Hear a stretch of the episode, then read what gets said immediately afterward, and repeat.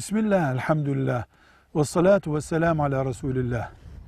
Tedavi için kullanılan fitil, makattan kullanıldığında abdesti bozmaz. Makattan kullanılan fitil, dışarı çıkarsa, içeri konduktan sonra, dışarı çıkan bir şey, tıpkı idrar gibi, dışkı gibi abdesti bozar. Hanefi mezhebini taklit edenler için hüküm böyledir. Şafii mezhebindeki durum da böyledir ama Şafii mezhebinde olan mümin kardeşlerimiz fitil kullanırken eldivenle fitili kullanmalıdırlar ki abdestleri bozulmuş olmasın.